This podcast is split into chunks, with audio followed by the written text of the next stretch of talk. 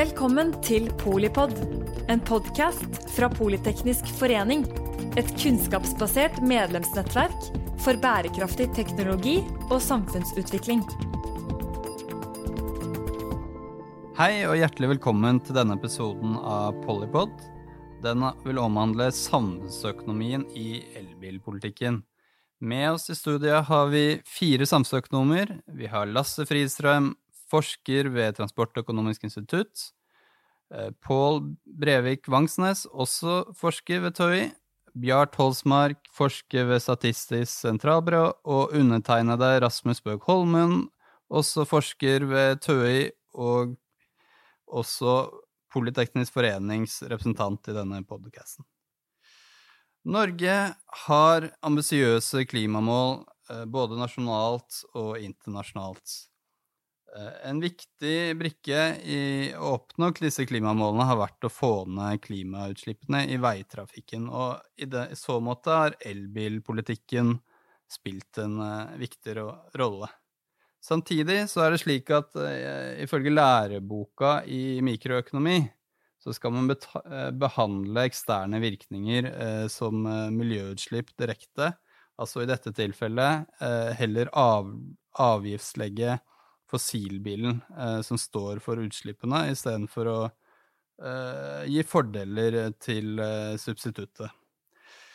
Eh, elbilpolitikken har blitt kritisert for å kunne gi utilsiktede virkninger eh, ved at eh, man forbruker for mange elbiler, og det kan f.eks.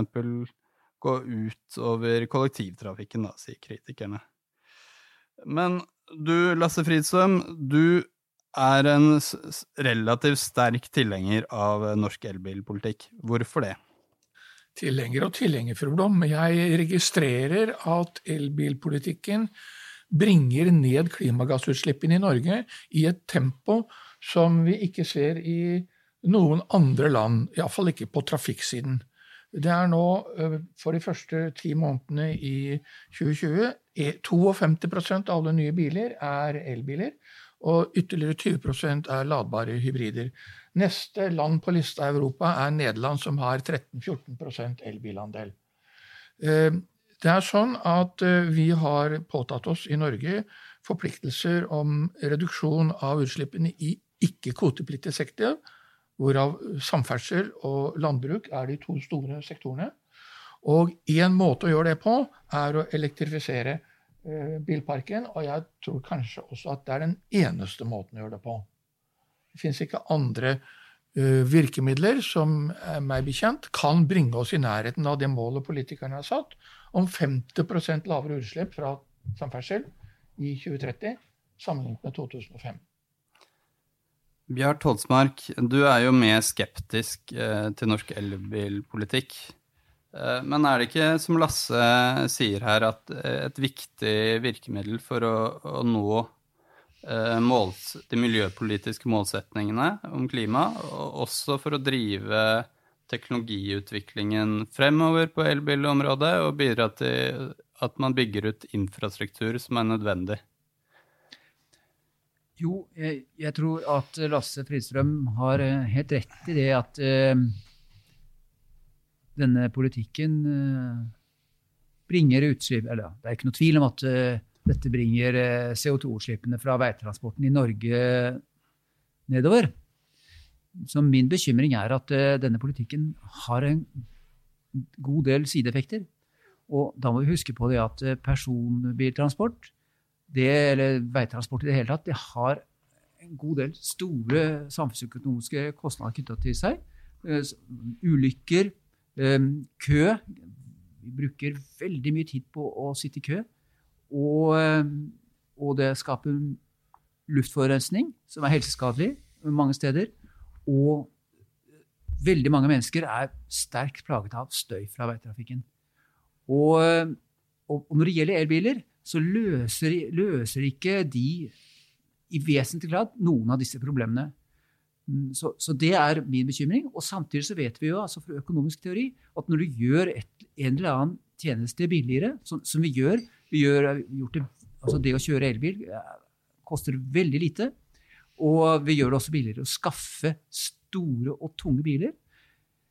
Så, så, det vi ser nå fra, fra, dataene, etter at vi begynte med den elpolitikken, så ser vi det at vi fortsetter å skaffe oss stadig flere biler, og de blir stadig tyngre.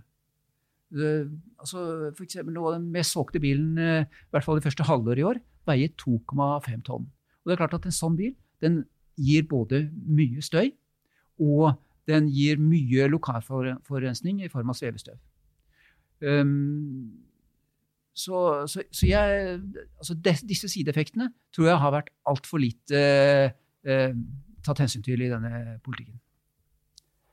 Pål Vangsnes, du avla nylig en, og forsvarte en doktorgradsavhandling ved NMBU om elbilpolitikk fra et samfunnsøkonomisk perspektiv. Eh, hva tenker du om denne diskusjonen? Ja, Det er en uh, viktig diskusjon. og... Uh, begge har eh, gode poenger, og det, det, det går på, er egentlig å sette opp kostnadssiden, som Bjart her la vekt på, opp mot målsettingene, som Lasse la vekt på. Og gitt at du har så ambisiøse målsettinger som Parisavtalen, så vil det med tvingende nødvendighet påløpe seg store kostnader. Um, både i form av at eh, man pusher folk altså det at man pusher folk inn i elbiler som uh, for et gitt kvalitetsnivå på bil er uh, dyrere biler å produsere. Du får en høyere ressurskostnad. Det er en stor samfunnsøkonomisk kostnad. Men også eh, det at du får et bare begrenset reduksjon i lokalforurensningen, som Bjart la vekt på. Og i tillegg hvis du ikke får eh, regulerer uh, kjøring i kø mer, så kan du faktisk få mer køkjøring. Fordi elbilen, en av elbilens store styrker er jo at de er veldig billige å kjøre. Og uh, dermed kan det stimulere til mer køkjøring. Men kunne man ikke økt engangsavgiften og årsavgiften på bensin- og dieselbiler i stedet? I stedet for hva? Istedenfor dagens momsfritak f.eks. på elbiler og skattefordeler? Det kunne sannsynligvis vært eh, en smule mer effektivt. Men da, men da kom vi egentlig også litt inn på hvorfor vi, hvorfor vi sitter her in, in, the first place. For um, jeg tenker sånn, hvis man da skulle tenkt eh, som starte med blanke ark som samfunnsøkonom, så ville man tenkt hvordan skulle man angripe disse um, markedssviktene som vi har i veitransporten. Altså, Vi ville skattlagt Eh, CO2 ut fra den, enten en skadekostnad eller eh, tiltaks, den nødvendige tiltakskostnaden for å nå Parisavtalen. Og så ville du skattlagt per kilometer ut fra den eksterne kostnaden man påfører, om det er lokal, lokal forurensning, kø, støy etc. Og det begynner blir jo noen kroner per kilometer uh, når man kjører i en tett by, og noen skarve øre når man kjører ut på landet hvor man uh, ikke eksponerer folk for dette men at man har riktig pris per kilometer, riktig pris per kilo CO2, og at politikerne kunne forplikte seg til en langsiktig prisplan, slik at man tar informerte valg når man kjøper bil. Uh, og, men uh, det virker um, Eller det har vist seg å være særdeles vanskelig uh, å komme altså Det er teknologisk vanskelig med en, en såpass sofistikert veipris. Altså det vil kreve mange år med utvikling. Og så er det jo politisk vanskelig å gå løs på de eksterne kostnadene per kilometer kjørt, i hvert fall gjennom drivstoffavgiften. Altså, vi har jo, Regjeringer har jo gått under for, for høye drivstoffavgifter. Så det er jo fordi vi er i den skvisen at vi ikke kan kjøre effektiv, eller samfunnsøkonomisk effektiv politikk, at de andre hensyn trumfer. At vi sitter her med imperfekt og kostbar Eh, politikk som først og fremst er rettet mot da, hvor, hvor engangsavgiften er det kraftigste våpenet som er i bruk akkurat nå. Ok. Uh, I den uh, doktorgrad så går det også inn på dette med nettleie. Og elbiler uh, belaster jo da strømnettet betydelig. kunne du sagt noe om dine funn der? Altså, Betydelig er jo ikke Det, det er jo det vi, vi, finner at i Norge i dag så er ikke belastningene spesielt kostbare. I fremtiden, da. I fremtiden så kan de bli det. Og det, dette her også gjør at Norge som case for utrulling av elbiler blir litt spesielt. at vi har, vi har veldig billig strøm. Vi har kraftig utbygde strømnett, som gjør at vi eh, i større grad kan håndtere en elbilflåte enn mange av våre andre land. Eller mange andre land. Så det vi, det vi finner på eh, Det vi finner fram til 2017, er um, Vi finner en statistisk, statistisk, signifikant effekt på kostnader for nettselskapet. Men uh, den varierer veldig stor grad ut fra uh, type selskap og hvor i landet. Hvor den effekten er veldig lav hos de store nettselskapene, som gjerne er rundt de større byene. Mens vi finner en større effekt, altså en større effekt per elbil på kostnader hos de mindre nettselskapene, gjerne i grisgrendte strøk. Riktig. Men er, vi, vi, snakker, vi, snakker, noen, kanskje noen tusenlapper per elbil, som fordeles på alle kunder, eh, gjerne i disse grisgrendte strøkene. Når man hører eh, diskusjonen rundt elbiler som et miljø, miljøpolitisk virkemiddel eh, å støtte opp under, eh, så er det mye snakk om at eh, det går på ren energi. Eh, men det er jo slik at eh, selv om det er vannkraft som gjelder i Norge, eh, så er det ikke vannkraft som siste, står for de siste enhetene av energiproduksjon. Men kanskje energiformer som er mindre rene, som kull. Så har man et kvotesystem i Europa som demmer opp for noe av dette, men man har jo samtidig lekkasje mot utenfor kvoteområdet. Og det kan være eh, lekkasje mot andre former for fossil oppvarming, f.eks. Uh, men du, Lasse, hva tenker du om, om miljømiksen i Eller. Hvor miljøvennlig er egentlig elbiler fra et utslippsperspektiv? Jeg vil si at de er veldig miljøvennlige. Så miljøvennlige som biler kan bli. Eh, det er jo slik at når vi bytter ut en bensin- eller dieselbil med en elbil, så flytter vi utslippet knyttet til bilen inn i kvotesystemet. For bilen får sitt, eh, sin energi fra et kraftverk, og alle kraftverk av noe størrelse i EØS-området er kvoteregulert. Så det betyr i prinsippet at det marginale utslippet fra en elbil er null.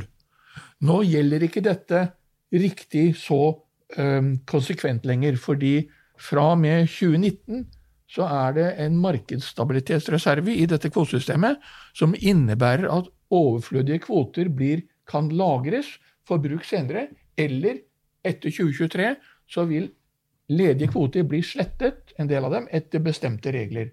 Og Det innebærer at hvis eh, vi får en massiv elektrifisering av bilparken i Europa, så vil det etter alt å dømme bli færre kvoter å slette, slik at effekten er ikke lenger 100% slik jeg har prøvd å si i mange år, men som jeg nå må moderere pga. denne markedsstabilitetsreserven. Men det betyr ikke at elbilpolitikken er forgjeves. Det betyr at bare at effekten er litt mindre enn 100% kanskje 90 kanskje 75 Det kan vi faktisk ikke vite, for den effekten vil avhenge av framtidige priser og utslippskostnader, eller tiltakskostnader. Men dette kvotetaket, er ikke det en dynamisk størrelse? Sånn hvis, hvis, du ser for deg at bilparkene i Tyskland og Polen eh, elektrifiseres over en eh, kort tidsperiode, altså, vil ikke jo, den kvotetaket forskyve seg da? Nå er kvotetaket fastsatt fram til 2030. Etter den tid så er det selvfølgelig opp til politikerne hvor det kvotetaket skal ligge. Så på veldig lang sikt, ja, så kan det tenkes at uh, kvotetaket blir litt uh, høyere enn det ellers ville vært hvis vi får masse elbiler som bruker strøm. Uh, men den viktige mekanismen her tenker jeg er nettopp markedsstabilitetsreserven, som modifiserer bildet litt. Gjert? Ja, jeg tror dette resonnementet er for enkelt. fordi det er jo ikke, som du var inne på, Rasmus, så er det jo ikke slik at dette kvotetaket i EU Eh, bestemmes eh, av en eller annen eh, utenforstående. Dette bestemmes av politikere, som, som, du er inne på. Så ser de på situasjonen, og de ser på kvoteprisen. Og uh, hvis du ser at uh, det er en høy kvotepris, uh, så vil de tenke at ja, nå, nå, kanskje, nå har vi kanskje vært litt tøffe med denne, dette kvotetaket. Så neste periode må vi kanskje være litt mer forsiktige og heve kvotetaket litt. Ja, men så vil kanskje Lasse si ja, men det vil jo bare påvirke neste periode. Nei, fordi vi har mulighet for å spare kvoter så vil det kunne slå inn eh, med en gang i, i, den situasjonen vi er nå. Vi har jo ikke bestemt uh, noe kvotetak for situasjonen etter 2030. sånn at det, dette, er, dette, er, veldig vanskelig å si. Og dessuten så er det jo hele, hele tiden slik at uh, Altså at det er store uenigheter i EU om politikken og hvordan dette vil utvikle seg frem mot 2030, og hvor man faktisk kommer til å holde seg til dette kvotetaket i alle disse årene? Det, dette vet vi ikke, det er, det er veldig uklart. Så, um, så, jeg tror det der er et litt for enkelt resonnement. Og, eh, og, at det kommer inn, som du var inne på eh, i innledningen din, Rasmus, at, eh, at vi, vi, må ta høyde for at eh, det er mye fossil energi i elektrisitetsmarkedet i, i EU, som vi er en del av. Men det er, dette, dette, er, og det, var jo, det er jeg helt enig med Lasse i, at uh, dette er veldig vanskelig å si. Uh, hva som er uh, egentlig den reelle CO2-effekten av elbilpolitikken i Norge. Men la meg også legge til altså i, i, Norge i dag så subsidierer vi avgiftsfritak for sto, en svær bil på 2,5 tonn elbil på 2,5 tonn, som gir vi avgiftsfritak. Mens uh, altså en, en, liten bil på 900 kg, hvis den går på bensin, så betaler den avgifter. Og uh, er det, er, er, altså, det er veldig store utslipp knytta til produksjonen av biler, og den blir selvfølgelig veldig mye større når vi snakker om en bil som er så veldig mye større enn dette her. Så, så, så jeg, jeg, mener vi burde hatt en politikk som uh, også la stor vekt på det at vi har små, lette transportmidler og, ja, og, og jeg ville gått enda lenger. ikke sant? Vi, eh, Vil ikke det gå utover trafikksikkerheten hvis man uh, ja, altså, Jo, det er klart at hvis du krasjer med en trailer når du sitter i en, uh, i en uh, liten Volkswagen Up, det, det, det, er ikke noe bra. Men vi, men, og, og, heller ikke hvis du sitter i en Volkswagen Up og krasjer med en Audi E-tron. Det er heller ikke noe, noe, noe, noe bra. Men Altså, Hvis alle bilene er lette, så, så, så, så, går jo det der opp i opp. Men uh, klart, trailerne vil fortsatt være der. Og, og, og, så det er et moment. Absolutt. Okay. ok, da blir det en uh, kort replikk på Lasse. Og så tenker jeg du, Pål, kan uh, komme med din, din mening om temaet. Og gjerne også si noe om EUs utslippssystemer for personbiler og varebiler. Ja, nå er det sånn at den Audi E-tron er faktisk mer miljøvennlig enn den lille bensinbilen på 1200 kg, fordi den slipper ikke ut ørsmå partikler fra forbrenningsmotoren. Det farligste svevestøvet er det som kommer fra forbrenningsmotoren, og som er mindre enn 2500 millimeter. Og det de er elbilen helt fri for. Mm. Men for de andre eksterne kostnadene, altså andre ulempene, støy, veislitasje, kø og ulykker, så er elbilene ikke noe bedre enn andre biler. Så det er klima og miljø som er deres forse. Og når det gjelder dette med utslippet Da må dere justere de rapportene dere har utgitt om dette her, for de sier noe annet. Nei, de jo, gjør ikke det, Bjart. De sier at 70 så, helse, av det... helse, Helsekostnadene, det, det, står helsekostnaden av disse bilene. Og, og, og, og der er det helt klart altså at eh, den, den desidert dominerende faktoren av, på helseskadelig forurensning den kommer ikke fra eksospotten på en eh, Euro 6-godkjent eh, bil. Den kommer fra, fra veigenerert støv. Eh, ja, som generert av, av, av hjulene. Så, så hvis, hvis, det er riktig det du sier, så må dere skynde dere å justere de rapportene dere har skrevet. Du kan kommentere det kort, men jeg tenker vi ikke ja, nei, Jeg har ikke teknisk kunnskap om uh, om eh, hvilke helsekostnader som knytter seg til de ulike typene svevestøv. Det kan jeg ikke Ja, Men du har vært med på å skrive en rapport Jeg, jeg, kan, jeg kan, jeg, Og jeg har skrevet det kapitlet, så jeg, jeg kan forsikre deg om at uh, kostnad per kilo uh, tunge partikler fra svevestøv mm. er verdsatt høyere enn uh, de lette partiklene per kilo. Ja, ja, det, Så- det er helt klart. Og så, og så er- dreier det seg om hvor mange gram per kilometer det er snakk om. Mm. Og, eh, og hvis du har ekstremt høye utslipp av partikler fra en gammel Euro 3-motor, eh, versus eh, så kan det overta eh, veistøveffekten. Men for eh, veistøveffekten vil være høy, og den vil jo heller ikke forsvinne med elektrifisering. Ja. Men, men i dag, nå snakker vi om å kjøpe nye biler, og du får ikke kjøpt Euro 3-biler lenger. Så vi må sammenligne Euro 6-biler med elbiler. Men, eh, men kiloprisen står der, så man må, så man kan, man må regne utslipp per kilometer, og så gange det med kiloprisen. Men da, Det, da kan vi kanskje ta dine kommentarer på kvotesystemet og dette med utslippssystemer i EU. ja, nei, så, så for, for å helle mer isvann i årene på de som er spesielt glad i elbiler, så, så jo også, er jo EU på ballen her igjen, da, med sine overlappende reguleringer. Og det eh, vil også eh, Altså, den, den effekten som eh, eh, norsk politikk for elbiler har, vil bli ytterligere moderert av EUs reguleringer for nye person- og varebiler.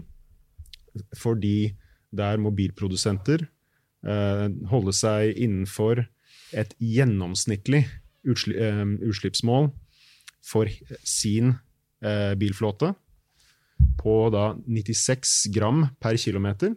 I gjennomsnitt for alle bilprodusenter, ja. Yes, og for hvert gram per bil i sin bilflåte, så må de ut med 95 euro.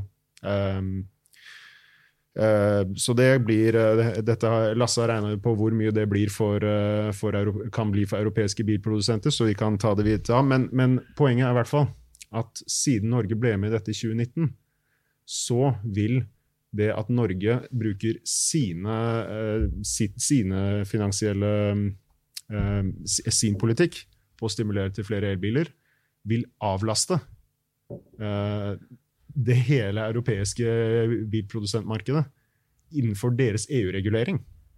Så det blir lettere for dem å oppfylle EU-reguleringer fordi Norge har eh, stimulert til så mange nullutslippsbiler. Og så kanskje Lasse vil komme med noen eh, tall som kan Altså- være litt alar- alarmerende. Altså Alene det at vi i Norge i 2020 har over 50% elbilandel, vil trekke ned gjennomsnittet i Europa med 1% og kanskje litt mer enn det. Og det er litt mer enn et gram til og med per kilometer. Eh, fordi eh, eh, Og det vil da eh, spare bilprodusentene for anslagsvis halvannen milliard euro i 2020 og tilsvarende sannsynligvis for de kommende årene. Så bilprodusentene kan velge enten å holde trøkket oppe i alle andre deler av EØS, og slik eh, spare penger, eller de kan slappe litt av på elbilsalget i de andre landene, fordi vi selger så mange i Norge. Det er slik denne eh, reguleringen fungerer. Foreløpig taler alt på at de vil velge strategien med å spare penger, for bøtene til sammen for 2020 kommer til å løpe opp i 8-9 milliarder euro for hele, alle som selger biler i Europa. Ålreit, eh, la oss gå videre. Eh, batteriteknologier. Der har jeg på teknologifronten på batterier så har det vært en rivende utvikling eh, siden millenniumsskiftet, etter at det ikke var en, eh, en veldig utvikling i forrige århundre. Eh, og eh, dette har bidratt til at elbiler og også andre kjøretøy eh, som er elbaserte, har kommet på banen. Har, I begynnelsen så var det mye kritikk om at disse batteriene var noe svineri. Vi så også en, på brannen på Sola lufthavn i fjor at det var ikke så lett å slukke disse brannene i elbiler. Eh, men eh, det er jo også kommet rapporter som, eh, som tilsier at miljøproblemet med batterier kanskje ikke er like stort lenger. Hva er din kunnskap om dette, Lasse? Hvordan er forholdene? Gan- Ganske liten, egentlig, for jeg er ikke teknolog. Men det er noen misforståelser ute og går. Det er sånn at for å lage disse litium-ionebatteriene, så trenger man tørrrom. Det må skje i et rom med luftfuktighet under 1% tror jeg det er. Og for å lage et sånt tørrom så kreves det en god del energi, avhengig selvfølgelig av klima der hvor fabrikken ligger. Så hvis den ligger i et fuktig klima i Kina, og strømmen kommer fra et kullkraftverk, ja, da blir utslippet ved produksjon av batteriene store. Men hvis det skjer i Nevada-ørkenen ved hjelp av solkraft og vindkraft, slik Teslas gigafabrikk, da er utslippet ved produksjonen av de samme batteriene nokså lav. Og når man snakker om utslipp ved produksjon kontra utslipp ved eh, kjøring, så er det sånn at en eh, vanlig bensin-dieselbil slipper ut 40-50 tonn CO2 i løpet av sin levetid. Av dette er anslagsvis 5 tonn i produksjonsfasen. Og i verste fall så har elbilen et dobbelt så stort produksjonsutslipp, altså 10 tonn, men ingen utslipp i løpet av resten av levetiden. Så fra dette synspunkt er det ikke noe tvil om at elbilen er mest klimavennlig. Hva med, hva med batteriene i slutten? av eh, Etter at elbilen er eh, ferdig. Ja, hva med de? Ja, hva er spørsmålet ditt, egentlig? Spørsmålet mitt er at eh, blir det ikke et miljøproblem med disse batteriene som, som du sitter igjen med? Jo, det kan det selvfølgelig bli. Det må jo, man må jo sørge for en profesjonell resirkulering og gjenvinning av materialene. Hvor lett det er, det vet jeg ikke. Bjart? Dette kan jeg ikke veldig mye om. Og, men altså, det er klart at etter hvert som dette da skal skaleres opp til en helt annen skala enn vi har i dag, så, så, så får vi se. Det, det, blir veldig spennende å se hva, hvordan, dette, hvordan, dette, går. Um, jeg tror det er litt uh, tidlig å ha, trekke bombastiske konklusjoner om det når det gjelder det som skjer på den produksjonsanlegget i Nevada-ørkenen til Tesla, så er det slik at batteriene der de, de, produseres jo ikke der. Så det aller meste av energiforbruket skjer eh, når, i, i, i, et, annet ledd av produksjonen. Før det kommer til, eh, til eh, anlegget til Tesla i Nevada-ørkenen som drives av solcelleanlegg. Så de solcelleanleggene der står for en veldig liten andel av energiinputen. Så, så, så, det er ofte liksom, trekkes litt langt, de gevinstene av de solcelleanleggene der, som man ofte ser bilde av. Er det slik eh, at dette har vært et problem som er i ferd med å bli mindre, Pål? Vet du noe om det? Altså, Man får jo mer og mer kunnskap i hvordan håndtere det, og mer og mer profesjonalisert sektor. Men, eh, men, jeg tror jeg heller vil henvise til min gode kollega Erik Figenbaum, som har skrevet mange TØI-rapporter om eh, elbilteknologi, og eh, også kommet litt inn på batteriene. Rasmus, kunne jeg bare skyte inn her, hvis det går an? Altså, jeg har lyst til å si det Når det gjelder batteriteknologi, fordi at, eh, altså, Når du snakker om elektrifisering av veitransport, så skjer det jo også der batteriteknologien uh, gjør at vi nå får elsykler, og vi får disse sparkesyklene som mange ikke liker. Som jeg tror uh, begge, begge, deler tror jeg kan gi veldig store Endre vår måte å transportere oss på i byene. På sikt. Det tar nok tid før vi liksom virkelig tar det i bruk. Særlig, særlig elsyklene kommer til, jeg tror de kommer til å utvikle seg veldig. Eh, hvordan, vi, hvordan, man utformer sykler, og hvordan man bruker dem. Og der tror jeg batteriteknologien virkelig kan eh, bidra til at vi får en vesentlig mye mer eh, miljøvennlig transport. Da noterer vi en fremtidig podkast om det.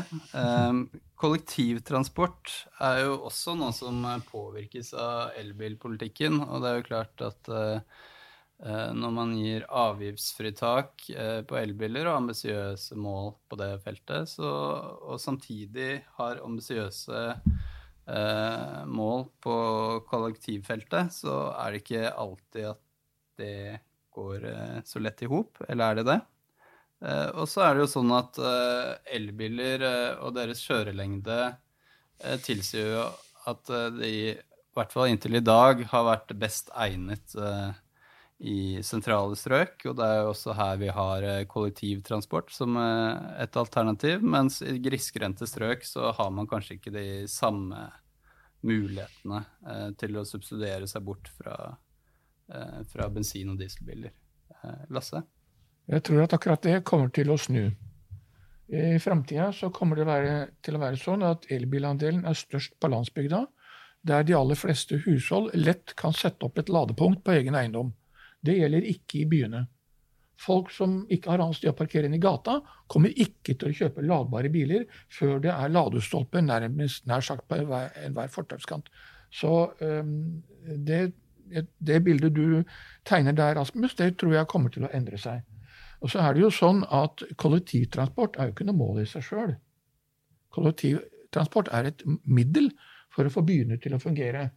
Og det kan ikke være noe mål at vi skal ha mest mulig eh, kollektivtransport, eller flest mulig passasjerer på kollektivtransport, hvis det ikke bidrar til å gi en uh, sikker og miljøvennlig by. Men du, du kan uh, formulere det annerledes, at uh, miljøpolitikken, de miljøpolitiske målsetningene, har ulike virkemidler, og det elbilen og kollektivtrafikken er en del i den pakken. Er det en god samordning av disse politikkformene? på? Jeg kan uh, supplere dette. er jo et av, En av artiklene mine i doktorgraden handlet jo nettopp om dette her. Hvor vi gjorde en del simuleringer for uh, Oslo-området. Og hvis man ikke har en god nok prising av bilkjøring, inkludert prising av elbilkjøring, så er det en, en konflikt mellom, uh, mellom kollektivtransport og og elbilkjøring. At uh, den billige uh, elbilkjøringen, som gjør at mobilitet blir veldig billig og uh, lett, og, lett virkemiddel å bruke, vil kunne da vil føre et skift fra kollektiv til elbil. Alt annet likt. Så, men det er jo som Lasse sier, at kollektivtransport er jo et virkemiddel i seg selv. Så hvis, plutselig hvis man heller går på elsykkel, hvis elsykkelen viser seg å være en bedre virkemiddel eller et bedre framkomstmiddel for eh, mange folk enn kollektivtransport, så er, det, så er det jo flott at vi har fått et bedre framkomstmiddel. Men uh, det, er, det, er, klart at det, det, er nok en fordel med bedre samordning mellom å stimulere til bruk av elbil, eller kjøp av elbil og den veldig billig i bruken, og kollektivtransport i byene. Nå går det mot slutten, men har du en uh, kort kommentar på dette, Bjart? Nei, altså Hvis jeg skulle litt sånn, som sånn oppsummerende kommentar, så er det for å gjenta det jeg sa innledningsvis, at eh, det, det, at vi nå får stadig flere, vi fortsetter å skaffe stadig flere biler, vi fortsetter å kjøre stadig mer, og bilene blir stadig tyngre. Og jeg tror ikke det er noen eh, jeg, jeg, tror det bringer oss i feil retning. Vi burde hatt en politikk som uh, som, gjorde, som gjorde at husholdningene fikk insentiver til å kjøre mindre, skaffe seg mindre biler og færre biler. Lasse? Ja, jeg tenker at eh, ja, eh, elbilpolitikken eh, har en kostnad, en betydelig kostnad samfunnsøkonomisk. Problemet er at det finnes ikke noen gratis måte å nå klimamålene på. Vi må bruke virkemidler også de som ikke er samfunnsøkonomisk eh, effektive. Og jeg har til gode å se noen fremme et forslag som er samfunnsøkonomisk mer effektivt, og som når klimamålene i 2030 mer effektivt altså enn elbilpolitikken. Jeg tror det skal bli vanskelig å finne. Jeg er nok uh, langt på vei enig med Lasse, men uh, altså forbedringer som f.eks. For gjennom uh, et mer effektivt veiprisingssystem, og eh, kanskje en bedre justering av momsfritak versus eh, CO2-prising. Altså, man kan alltids gjøre justeringer eh, som kan få ned kostnadene per tonn man kutter. Men i det store og hele bildet så er det som Lasse sier, at uh, gitt ambisjonene så kreves kraftige tiltak. Dyre tiltak. Da takker vi til deltakerne som har hjulpet oss med å belyse de samfunnsøkonomiske sidene i den norske elbilpolitikken. Lasse Fridstrøm, forsker ved TØI, Pål Brevik Vangsnes, også forsker ved TØI, og Bjart Holsmark, forsker ved SSB. Mitt navn er Rasmus Bøg Holmen, jeg er også forsker ved TØI, og jeg har vært Politeksens Polyteknisk forenings i denne podkasten. Takk for at du lyttet til denne episoden av Polypod og du kan lytte på den når du vil, hvor du vil, og kanskje til og med i bilen, og til og med i elbilen. Takk for oss. Takk for at du lyttet til Polipod fra Politeknisk forening. Få med deg flere episoder, eller bli med på nettverksmøtene som du finner på at polyteknisk.